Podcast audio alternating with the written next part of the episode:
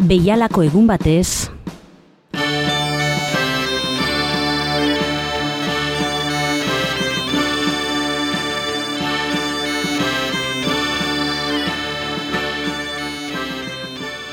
Agur eta ongi etorri Bilbo iria irratiko entzule zaren hori.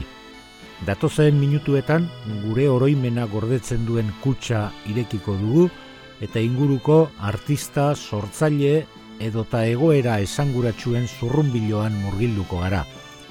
Beraiekin batera, bizi izan zuten mundu erreferentzialari erreparatuko diogu eta utzitako ondariarekin gozatzen saiatuko gara.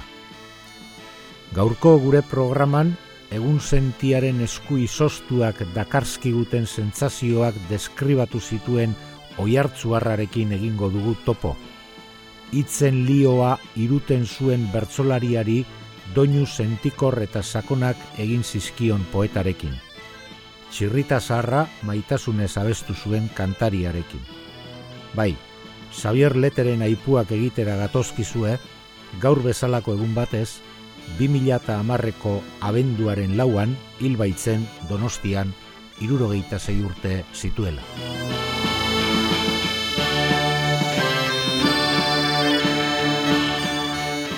Guazen ba gure gaurko protagonistarekin. Xavier Lete oi hartzunen jaio zen, mila bederatzi eta berrogeita lauko apirilaren bostean. Donostiako herrerako lasaile ikastetxean egin zituen ikasketak Batxilergoa amaituta, Tarragonara joan zen ikasketa teknikoak egitera, baina ez zituen bukatu. Horren ordez, irakurri eta zinemara joaten zen. Euskal Herrira bueltan, pasaiako lantegi batean sartu zen, eta han hasiko zen lehen poesiak idazten.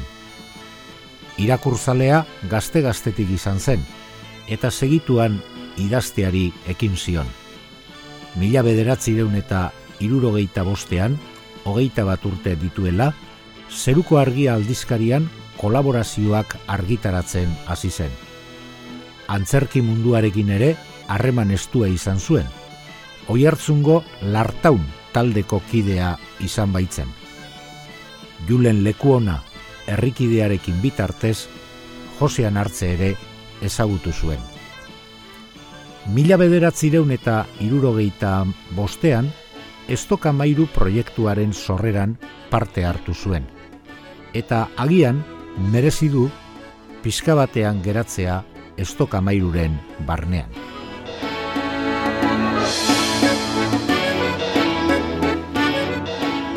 Euskal kantagintza berria eta euskal kulturaren berpizkundea nekez ulertzen ahalko ziren Estokamairu taldeak egin zuen ekarpenike gabe modernitatea eta garai berri bat ekarri baitzituen gure musikagintzara. Izen horren inguruan, gerora oso ezagunak izango ziren kantari asko elkartu ziren.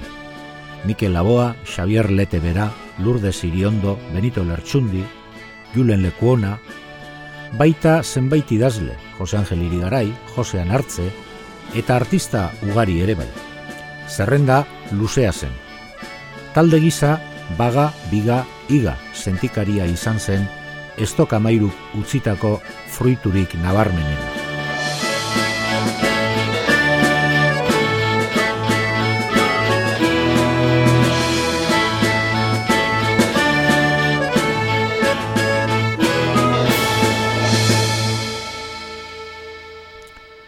Euskal Kantagintza berriaren talde nagusia mila bederatzireun eta irurogeita bosgarren urtean hasi zen forma hartzen. Baina urte bat beranduago gertatu zen sorrera urte ofiziala. Katalunian aur psikiatrian espezializatzeko egindako egonaldian ezagutu zuen Mikel Laboak Nova Kanzo izeneko mugimendua, eta bereziki els setze jutgez taldea. Euskal Herrira bueltatzean antzeko zerbait egiteko lehen kontaktuak egiteari ekin zion. Konkurso de artistas noveles delako lehiaketan saritu berri zuten Benito Lertxundi abeslariarekin jarri zen harremanetan. Ondoren, Lourdes Iriondo, Julen Lekuona, Jose Anartze eta beste batzukin kontaktuak hartu zituen. Zelai ertzeko lore gorriak neguak zapuztu ditu. Zelai ertzeko lore gorriak neguak zapuztu ditu. Eskatxaren espaineriak zeinek lastanduko ditu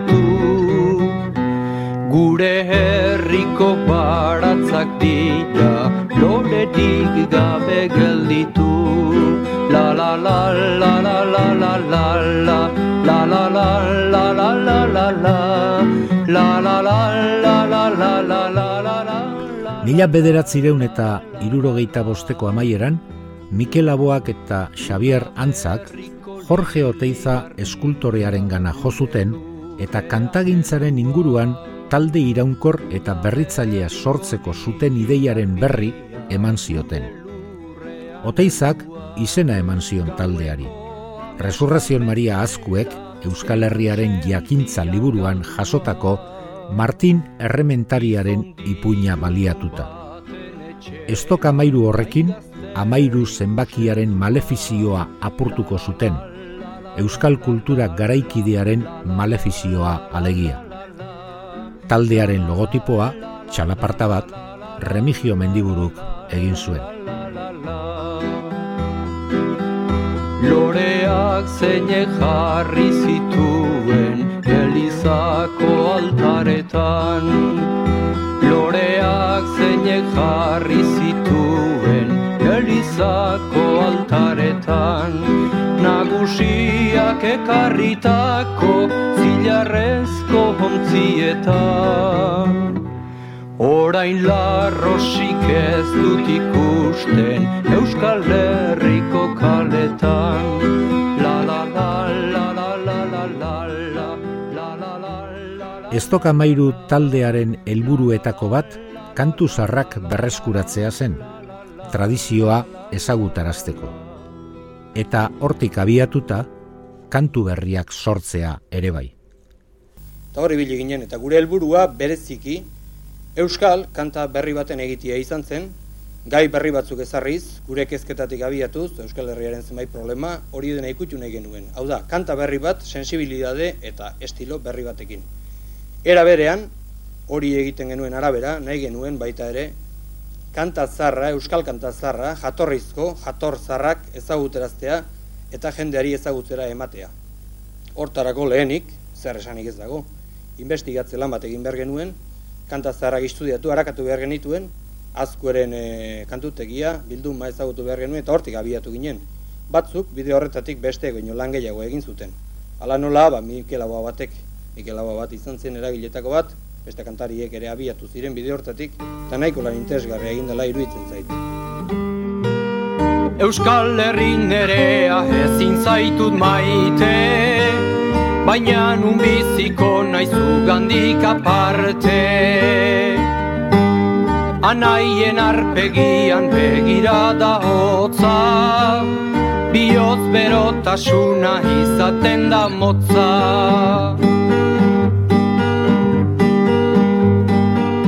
Arratxaldeak beti dakarren tristura Neretzat izaten da bakar da deura. Argitu nahi begia balio aldu gure egiak. Bide bat aukeratzean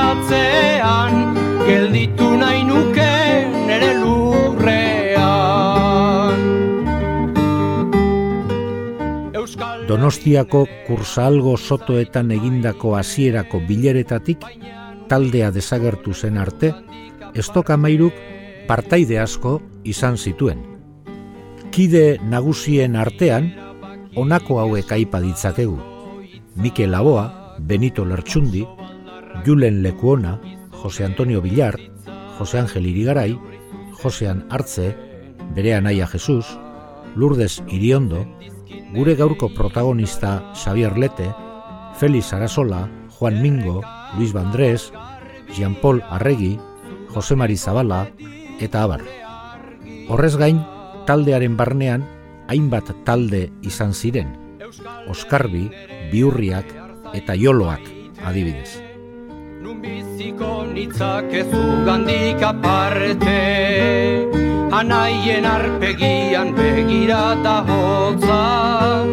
Bioz berotasuna izaten da motza. Garaiko testu inguruak bere biziko garraintzia izan zuen estok amairuren sorreran. Maila ideologiko eta intelektualean Jorge Oteizaren ideiek garraintzia handia izan zuten. Artista oriotarrak mila bederatzireun eta irurogei eta irugarren urtean kosketan den Euskal Arimaren interpretazio estetikoa liburua argitaratu zuen euskal kulturaren pizkundea proposatuz. Alaber, euskal arte garaikidearen eskola sortzearen aldeko proposamena bideratu zuen. Kantagintzan, taldearen oso garraintzitsua izan ziren Nemesio Etxanizen eta Michel Labegeriren ekarpenak. Alaber, Kataluniako Nova Kanzoz gain, garaiko beste hiru iturri nagusitatik hartu zuten inspirazioa estokamairuko kideek. Ego Ameriketako kantagintza, Atahualpa Yupanki, Violeta Parra, beste alde batetik kantagintza frantziarra garaikidea, Georges Brassens, Leo Ferré, Jacques Brel, eta estatu batuetako folk berria. Bob Dylan, Pete Seeger, Joan Baez, Amar edo amaika bat izango da nidakiten ez, Euskal Kanta Berriaren movimendua hasi zela. Gutxi gora bera, jendea dakien ez, kantari berezi batzuk izan ginen, ala ez tokamairukuak, kanta berri honetan hasi ginenak, baino, gu baino lehen bat ziren beste batzuk ere zerbait egiten hasi zirenak. Adibidez hor daukagun, emesio etxaniz bat, kanta berri batzuk egin nahi izan zituna, garai hartako, doinu, ritmo zar batzukin. Baina kompromisozko kanta bati buruz behar baldin bada alako bide berri bat erakutsi ziguna, markatu ziguna, labegeri izan zen bere diska famatu haiekin eta bere kantuekin. Hortaz kanpo, Euskal Kanta Berriaren eragile bezala, alde batetik, zalantzarik ez dago, bertako girua, kultur berri baten beharra izan zela, beste talde batzuk ere ari ziren, adibidez eh, artista plastikoak, oteiza eta konpainia, eskola berri bat sortu nahian, literaturan, poesian ere mugimendu berri bat bat zegoen, eta horrekin batera sortu zen kantagintzaren mugimendu hau. Orduan, e, nik uste dut, kanpoko eragile bezala, horrek ere bere garrantzia izan baizuen, bi faktore izan zirela. Bat, Kataluniako noba kanso deitu zena, horrek asko eragin zigun, eragin ginen zen, batez ere Raimonek, bere kantu egin, eta gero, ba, ezagutzen hasi ginen kantari berri batzuk ere, bai. Adibidez, pidela serra bat, edo serrat bat. Eta gero, Ifar Ameriketako folk eta pop kanta komprometituak ere izan zuen bere eragina. Orduan, sortu zen gutxi gora bera, ez toka mairu, jendeak ezagutu eta ezagutzen duen taldea. San Simon eta San Juda, Juan zenu da, eta negua heldu da. San Simon eta San Juda, Juan zenu da, eta nekua heldu da. Ez paletor obe, bizigera pobre, ere mu latzonetan, ez gera hain onak benetan. Ez dugu zaldidik, ez gera zaldunak. bererik ez gera aberatsak Euskera guk dugu gu gera euskaldunak Euskera guk dugu gu gera euskaldunak Taldearen lehen emanaldiak mila bederatzireun eta irurogeita zeiko urtarrilean hasi ziren. Hernanin eta Donostiako Victoria Eugenia antzokian. Dena den, oraindik ez zuten taldearen izena erabili. Jarrai, antzerki taldearen eskutik izan ziren emanaldiok. Ez dugu zaldidik, ez gera zaldunak. bererik ez gera aberatsak. Euskera kutugu gu gera euskaldunak. Euskera kutugu gu gera euskaldunak. Estoka mairuren lehen emanaldi ofiziala mila bederatzireun eta irurogeita zeiko martxoaren zeian izan zen, irungo bella sartez antzokian. Sorrerari sarrera emateko, Xavier Letek, Martin Errementariaren ipuña kontatu zuen emanaldiaren hasieran. Taldearen filosofia honako hau zen. Bakoitzak aberastu behar zuen taldea, eta taldea bakoitza. Taldeak egindako emanaldi ugari eta lortutako ospeari esker, estokamairuren barnean zeuden kantariek ere bakarkako diskoak argitaratzeko aukera izan zuten urte horietan. Askotan, estokamairu izena erabiltzen zuten diskoetan. Horrela egin zuten, esate baterako, Benito Lertxundik eta Lurde Siriondok argitaratu zituzten lehen bi disko txikietan. Dena den, taldearen izenpean disko bakarra argitaratu zuten. Euskal kantari berri hautatuak bilduma. Herri gogoaren bitartez, mila bederatzireun eta irurogeita marrean. Julen Lekuona, Benito Lertxundi, Mikel Aboa, Lourdes Iriondo, Gure Xavier Lete, Oskarbi eta Irigarairen kantuak zeuden bertan. Makurka eta poliki arrastaka bidean bizkarre zurra oker. Zerbitzuko lanean zerbitzuko lanean bururik altxak gabe munduan zehar doa giza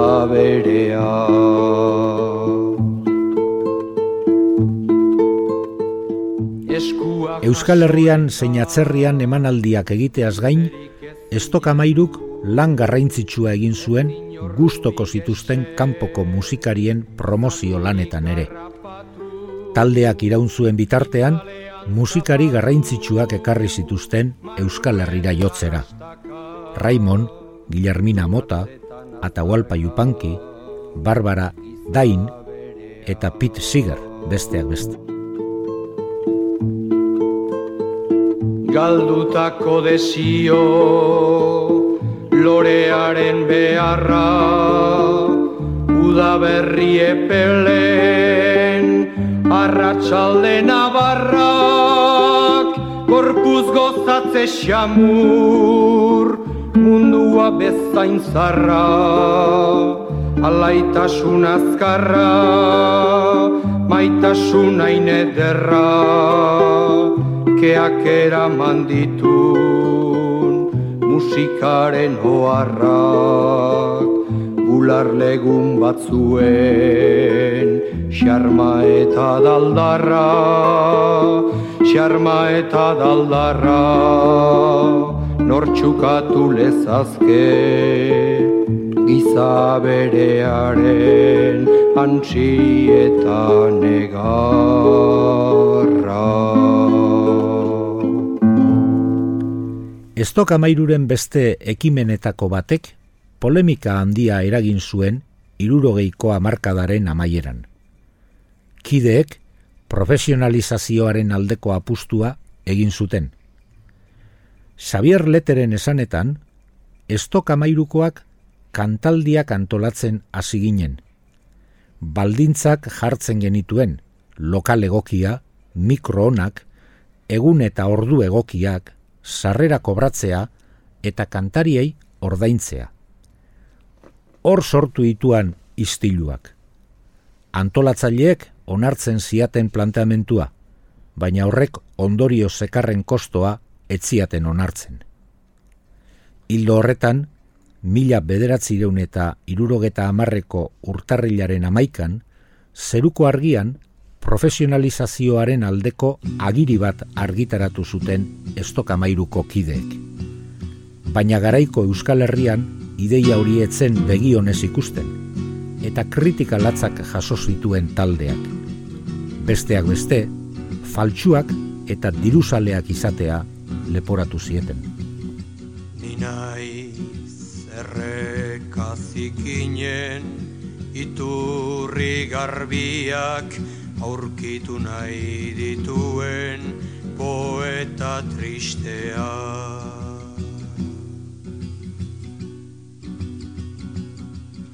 Ni naiz kaletan zehar neguko eguzkitan lanera dijoan gizon bakartia.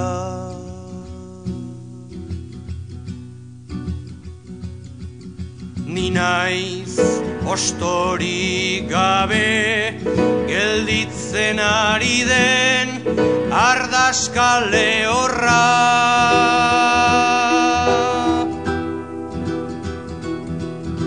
Ni naiz pasio zahar guztiak kiskali nahi dituen bihotzi eskorra.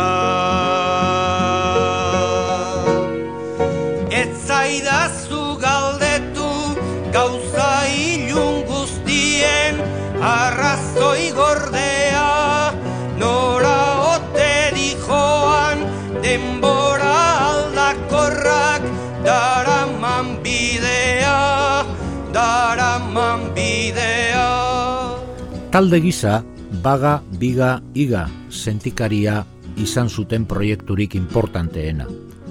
Mila bederatzireun eta irurogeita amarreko abuztuaren hogeita bian estreinatu zen Portugaleten, eta mila bederatzireun eta irurogeita amabigarren urtean taldea desegin zen arte iraun zuen.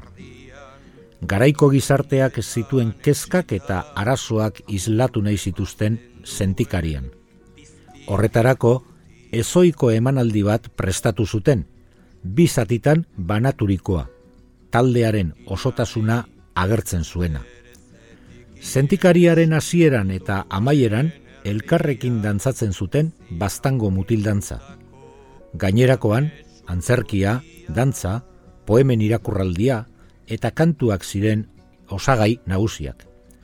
Sentikaria Euskal Herriko tokia askotan aurkeztu zuten, eta baita Euskal Herritik kanpo ere, Bartzelonan, Pauen edota Bretainan. Ni naiz itxasoko aizeak gogor astintzen dituen lainoen negarra. Ez zaidazu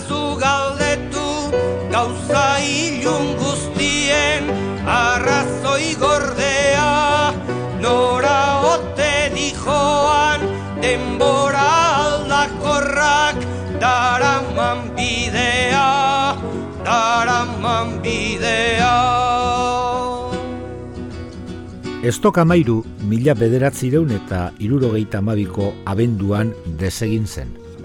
Hainbat arrazoik eragin zuten taldearen amaiera, kontu artistikoak eta sozialak elkartu ziren. Garaiko egoera politikoak ere eragin zuen desegitean, barne eztabaidak ere bai. Gu eskara murgilduko arrazoietan. Bai aldiz esan, desegin ondoren, bi talde sortu zirela estok amairuren errautxetatik. Batak, sentikariaren hildotik segitu zuen lanean, ikili mikili klik ikuskaria sortuz.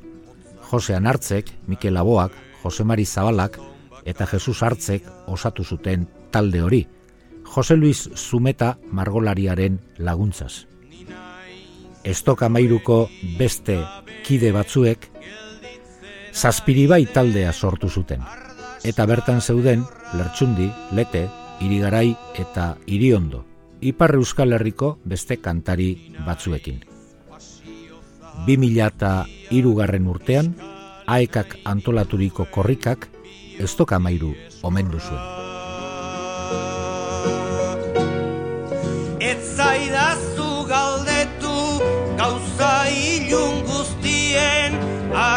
lo igordea Lora ote dijoan Denbora alda korrak Daraman bidea Daraman bidea Daraman bidea Daraman bidea. Historia zurrumbilo honen bitartean, mila bederatzi deun eta irurogeita sortziko urrian, Xavier Lete Lourdes iriondo taldekidearekin eta lagunarekin eskondu zen. Denborarekin, beste zenbait kantarirekin kolaborazioak egin zituen. Ala nola, Antxon Balberderekin, zeinarekin lizardiren poesiei eta txirritaren bertsoei ahotsa jarri zieten mila bederatzi deun eta irurogeita amabost, irurogeita amazortzi bitartean. Orain artian ni izan du naiz aitona zure nagusi. Errenta txintxo pagatu dezu zere kapoi eta guzti. Zu baino gizon humilakuak ez ditut asko ikusi Orain etxia saltzera guaz nahi bazen duke erosi Antzerkia ere jorratu zuen, Euskal Teatro Modernoaren oinarriak finkatzeko asmoarekin. Eta bilaketa horretan Eugenio Arozena izan zuen lankide. Kolaborazio horretatik sorturiko obrak, oi hartzungo intxizu antzerki taldeak estenaratu zituen. Leteren abestigintzan bere olerkiek eta hitzek dute garraintzirik handiena, naiz eta musika ere sarri berak konposatua izan. Hitz propio ez gain, beste olerkari batzuen hitzak ere kantatu izan ditu Xavier Letek. Esaterako Lizardi edo Jacques Brel. Baita hainbat bertzolariren lanak ere. Era berean, hainbat abeslarik musikatu eta kantatu izan dituzte leteren olerkiak eta abestiak. Horien artean daude Mikel Aboa, Lourdes Iriondo, Antxon Balberde, Imanol Artzabal, Benito Lartxundi, Baneukakenun enpliatua, bos mila duro banitu. Denporaldi batez, literatura sorkuntza alboratu zuen letek politikan jarduteko. Hain zuzen, mila bederatzireun eta larogeiko amarkadan, Gipuzkoako foru aldundiko kultura zailean aritu zen. Zuzendari nagusi lehenik eta zailburu ondoren. Eusko alderdi jeltzalearekin, laburtez. Gaizotasunak baina, zeregin publikoak alde batera ustera behartu zuen.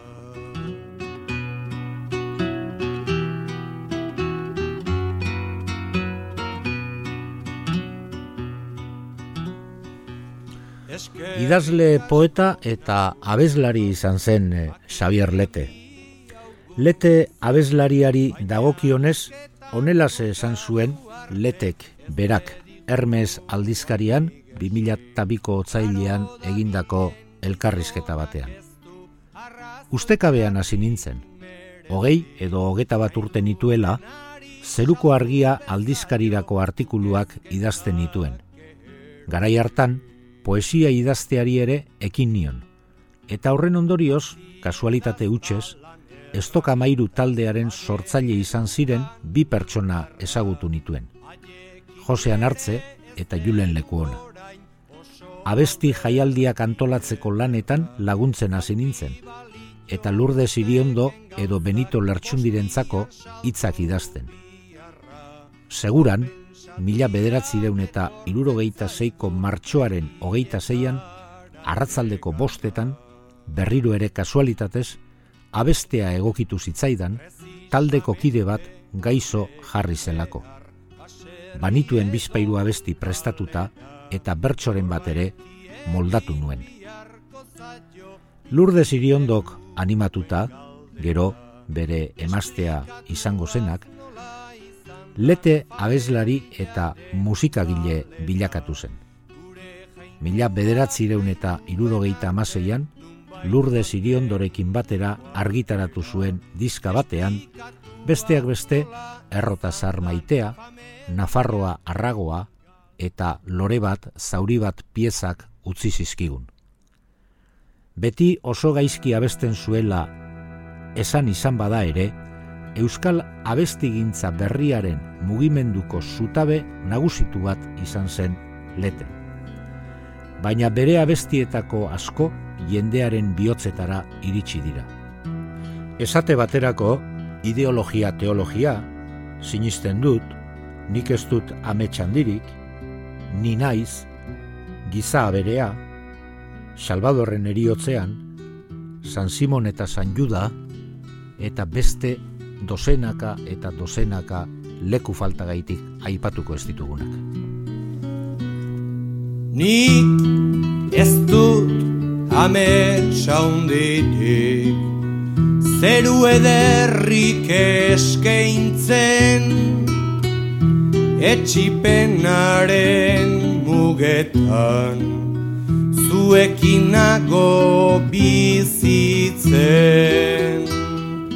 Nik ez dut solas loditik Etorkizuna egiten Bat bateko librakuntzaz Ez dut aspaldi sinisten.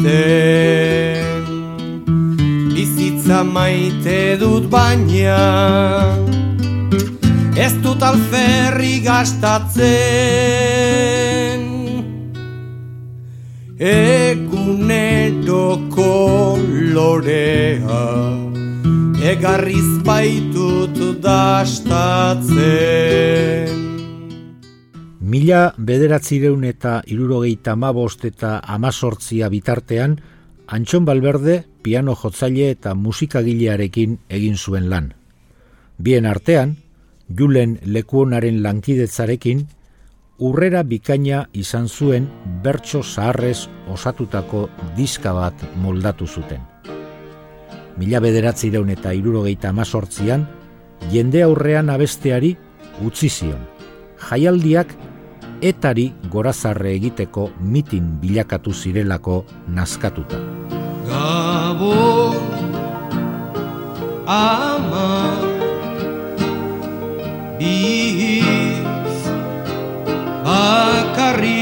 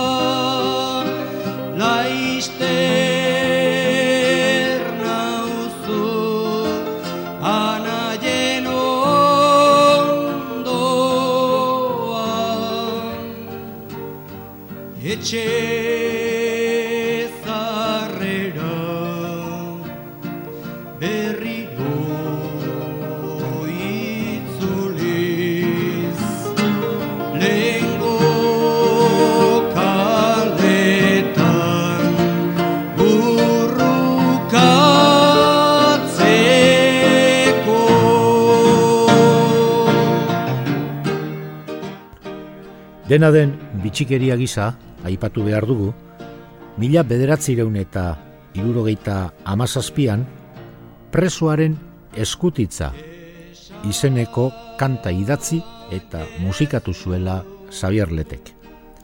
Kanta hori Laskaoko jaialdi batean abestu zuten. Kantua ezagutzen da gaur egun Pantsoa eta Peioren bertsioari esker. Zabierletek espaitzuen sekulan grabatuz chicane.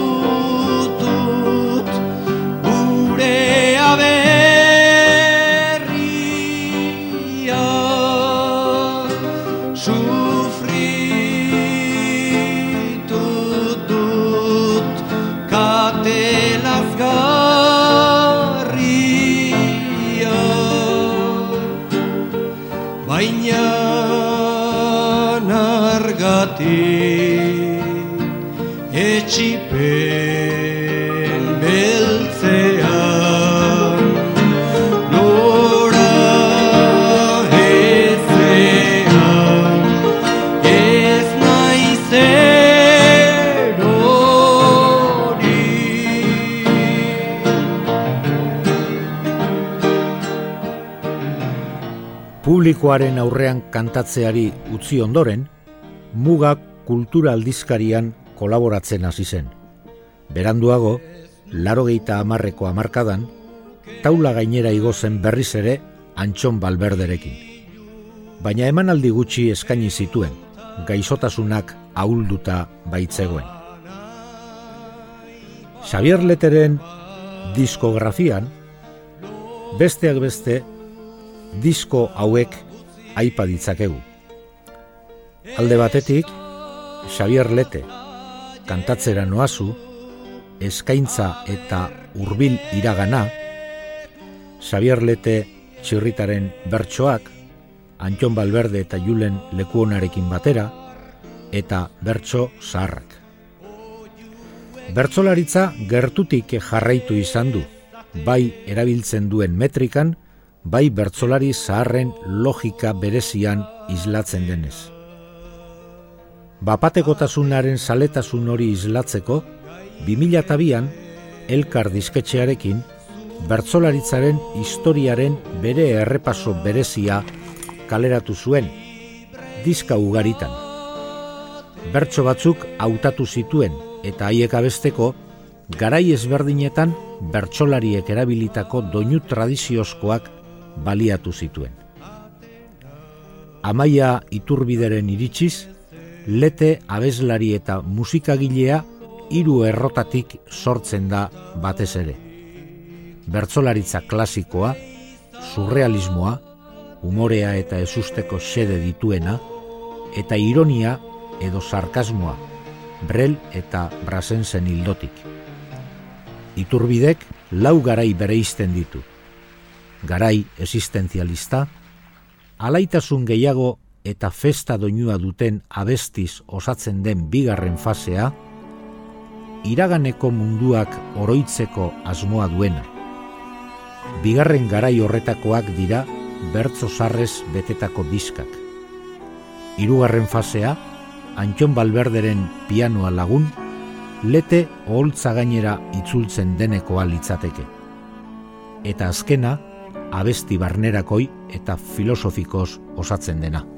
Izarren hautsa denboran zehar bilakatu zen bizigai materiaren ordenamenduz noiz bait ginen handik ernai eta horrela bizitzen gera sortuz ta sortuz gure aukera atxedenik hartu gabe.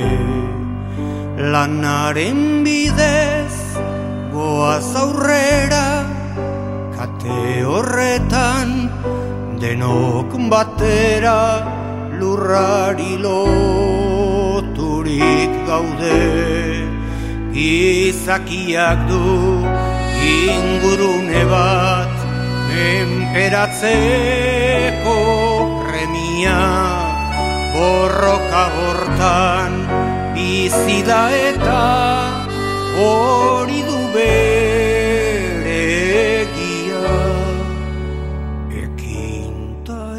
Batez ere, poeta izan zen Xavier Lete.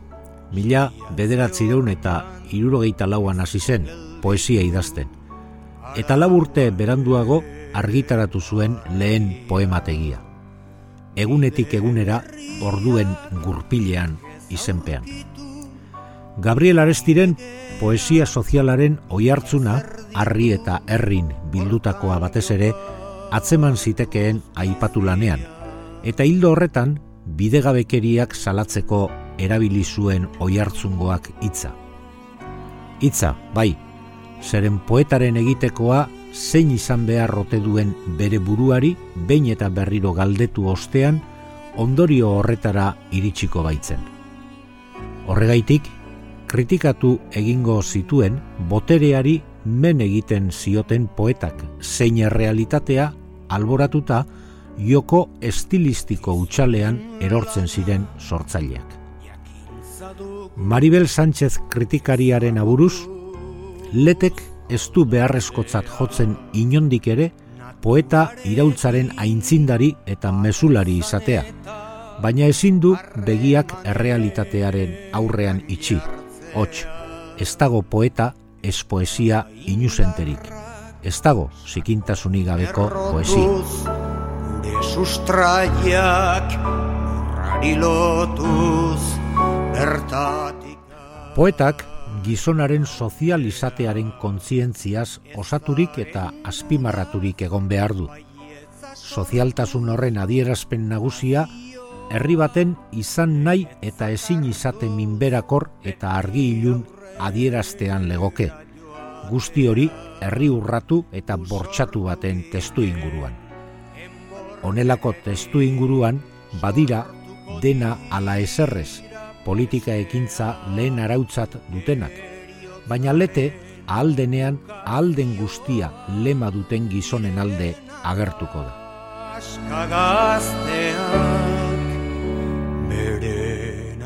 Poesia, mailu bat dela esan zuen arestik, kontzientziak astintzeko akuilua. Ado zegoen lete, baina bere ustez konpromisoa norbere buruan hasten zen, eta horrek esan nahi du poetak ezin dituela bere sentimentuak alboratu. Guzti honek baiestapen bat egitera eramaten du poeta. Sentimentu eta sufrimendurik gabeko poesia erretorika hutsa da. Berdin zait, erretorika soziala edo erretorika preziosista. Egiaren herrizar batek bide berritik ekingo di Mila bederatzireun eta irurogeita amalauarekin heldu zen bigarren poema liburua. Obra honetan, letek poetaren rola aztertzen jarraitu zuen, baina aurreko lanarekin konparatuta poesia askozaz intimoagoa, barnerakoiagoa osatu zuen. Frantziako filosofia existenzialistaren eraginez, poetak tarte handiagoa eskaintzen zien bizitzari eta eriotzari buruzko gogoetei. Gizonen gain, azez gizonen gain.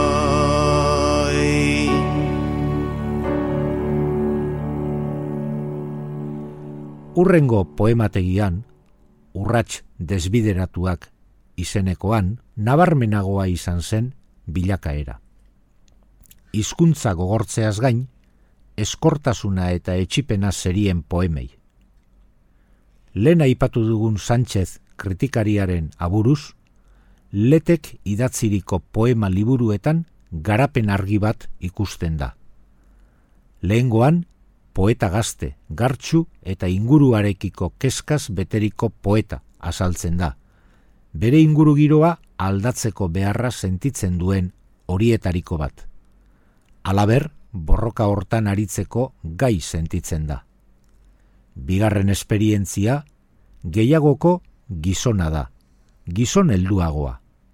Ideia berberak mantentzen dira, baina nolabaiteko zalantza ere nabaria da bizi izan dituen garaiak utzitako arrastoek erreflexionatzera eramaten dute.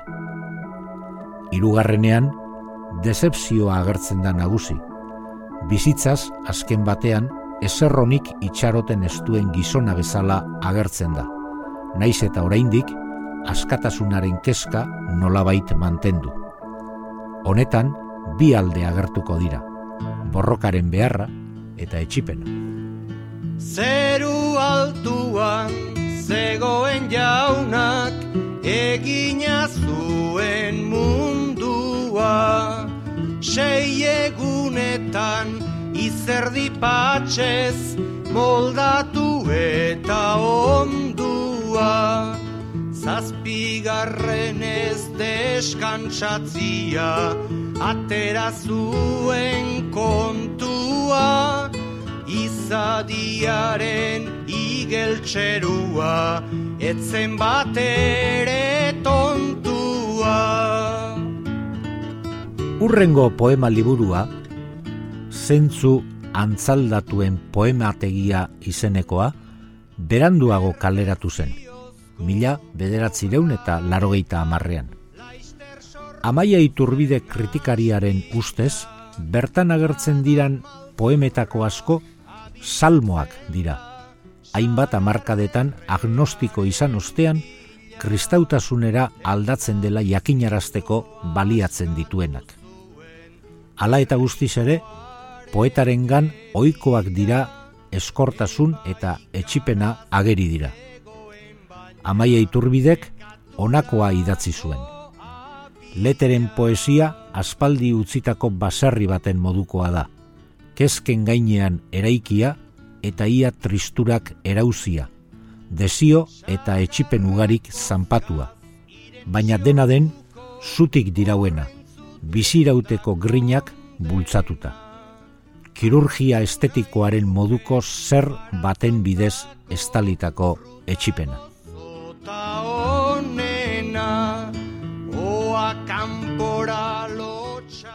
Aberria litzateke liburu horretako gai azpimarragarria. Letek aberria eta nazioa bereizi egiten ditu. Eta horrela diosku. Aberria leku fisiko edo mentala da. Norberak, balioen bidez, izaera partekatuak eskuratzeko aukeratzen duena. Aberrira atxiki egiten gara, eta zenbat eta modu espiritualagoan orduan eta sendoago. Aberria oso gutxitan sentitu izan dut. Udako gau epel batean belarraren usaina somatzean. Abesti zahar batzuk entzutean. Baserritar zaharrekin hitz egitean. Edo agian, urrutiko hiri argitsu eta liluragarri baten irudia hautematean. Letek nazionalismo politikoa beti susmagarria dela deritzo eta desbideratua abertzaletasun kulturala ez bezala.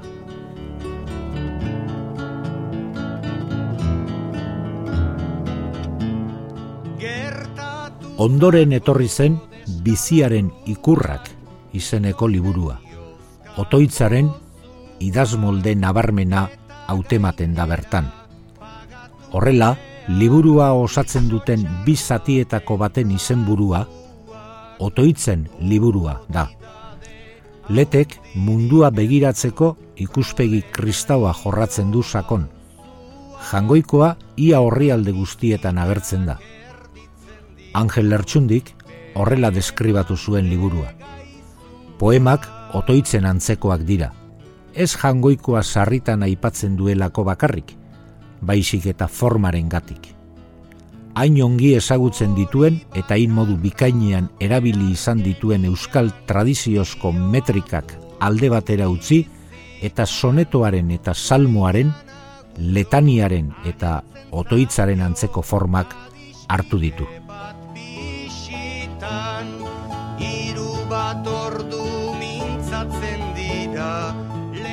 Bere azken poema liburua, egun sentiaren esku izoztuak, 2000 eta sortzian plazaratu zuen Xavier Letek.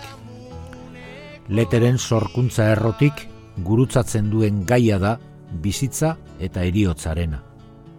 Horren adibide, lenda bizi bururatzen zaizkigun leteren kantak, demagun izarren hautsa eta salvadorren eriotzean, zuzenean daudela loturik gai horrekin. Egun sentiaren esku izoztuak gai hildo horren adibide ezin hobea da. Lehenengo poematik azkenek oraino. Eriotzaren gaineko hausnarketa presente baitago. Atalaren beraien banaketa linealki uler daiteke gainera. Eriotzaren ataritik, udazkenekoak eriotzaren azkentzeraino. Neguan, izan zen ekidezina da liburu hau irakurri bitartean, poetak azken urteetan bizitako hainbat gertakari gogoan izatea. Lurde ziriondo emaztearen eriotza, 2005ean hilba izen lurdez, eta liburua ari eskainiko dio. Eta letek berak igarotako eritasun larria. Bereziki presente vulnerat omnes izeneko atalean. Horrela, neurri hande batean, ni haren esperientzia horretatik idatzitako poema liburua da. Hainbeste, esen erreferentzia gertu gertukoenak, erietxea, topatzera iritsitako baita irakurlea. Ni, indartsu horrek ematen digu, hain zuzen ere, leteren poesia tradizioaren arrastoa. Erromantizismoa, eta zenbaitek esango luketen moduan, esperientziaren poesia.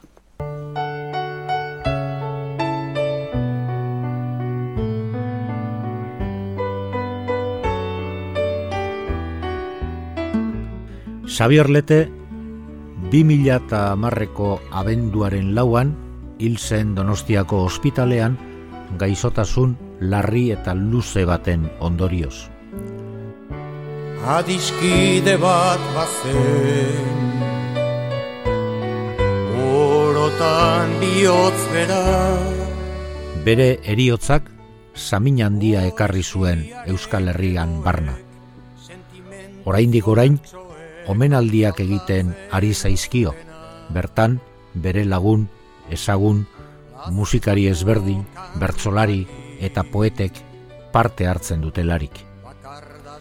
Xavier Lete, kantari, kultura suspertzaile, poeta, antzerkigintzan aritua eta itzultzailea izan zen. Bizitzarekin esker honekoa den poesia idatzi du Xavier Letek. Eta bertan ez da urtaroen joan etorrian existentziaren miraria ospatzen duen begirada behatzailea baino ezer sublime gaurik. Poesia bat da, zeinetan kantua otoitzarekin nahazten den. Bizitzaren goraberak, irrikabako begirada eskorrarekin behatzen duenaren ahots tonua da. Eta betidanik, eriotza gertu sentitu duenaren konsientziaz tradizionalki balore kristauak izan diren apaltasun, erruki eta barkamenari dei egiten die Xavier Leteren poemagintzak eta obrak. Iesetan joan intzana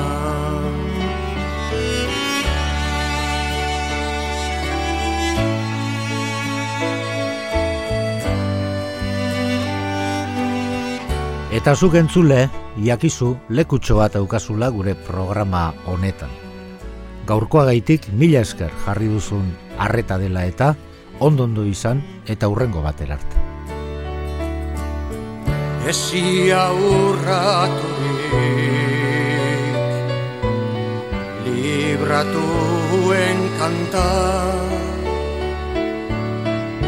Lotura guztietatik gorputzaren mugetatik aske sentitu nahirik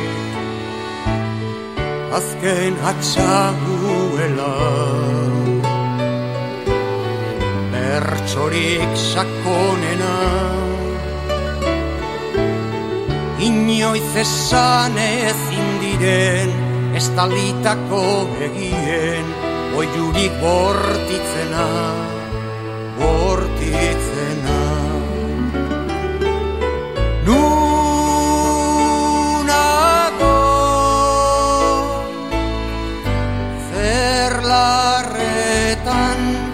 Gure peleko hartzaina. Mendie galetan gora Oroitzapen den gerora Iesetan joan intzana Nunago